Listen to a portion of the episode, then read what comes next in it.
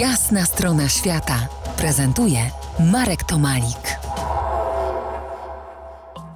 Naszym gościem Bartek Sabela, podróżnik, fotograf, reporter, autor znakomitych książek. Za reportaż literacki Wszystkie ziarna piasku nominowany był do nagrody Newsweeka imienia Teresy Torańskiej. Dziś Afryka, gdzie dawno nie stąpaliśmy po jasnej stronie świata. Te żółte, dwudziestolitrowe pojemniki mogłyby być symbolem Afryki. Od Mauretanii po Kenię, wszędzie tam, gdzie dzień zaczyna się od wyczerpującej podróży po wodę. To jest cytat z Twojego reportażu. Objaśnij nam ten świat, którego dzień powszedni zaczyna się nie od porannej kawy. Chyba przez wszystkie kraje afrykańskie, przez które podróżowałem, tak, pojawiał się ten motyw zmagania się z bardzo prostymi, czyn, e, codziennymi czynnościami. Czynnościami, które u nas w naszym świecie są tak oczywiste, no, że po prostu nawet ich nie zauważamy. Mówię tu między innymi o zdobywaniu wody i pożywienia, zwłaszcza tego, tego pierwszego. W wielu krajach afrykańskich, e, nie mówię oczywiście o, o, o miastach, ale o, o wsiach, o, o mniejszych miasteczkach, osadach, każdy dzień zaczyna się od wyczerpującej podróży po wodę, od której w zasadzie uzależnione jest życie. Wiele rejonów Afryki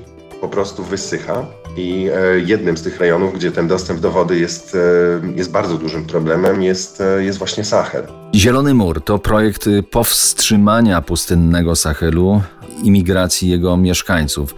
Zanim rozwiniemy opowieść o tym murze, proszę spróbuj umieścić nam Sahel na mapie Afryki. Tak, nieco upraszczając sprawę, Sahel to jest pas znajdujący się na południe od Sahary. To jest pas przejściowy między pasem Sahary, czyli zupełną pustynią, a e, już zielonymi terenami środkowej Afryki.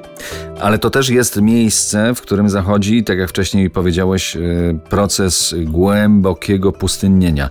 Skończyłem wydział, jak jeden z Twoich tam na Sahelu rozmówców biologii i nauk o Ziemi.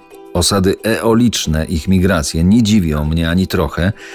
Inaczej się ma z tymi, którzy tego nie studiowali, a czego z zaskoczeniem doświadczają. Tam się po prostu piasek wsypuje do domów. Tak, Sahel od, od dziesięcioleci boryka się z potężnym problemem. Mianowicie e, Sahara zaczyna wędrować na południe, mm, a pas Sahelu, stosunkowo wąski tak naprawdę, zaczyna pustynnieć. Co to oznacza? Ten proces pustynnienia jest procesem bardzo skomplikowanym i to jest pewne uproszczenie, że Sahel jest zasypywany przez, przez piaski Sahary.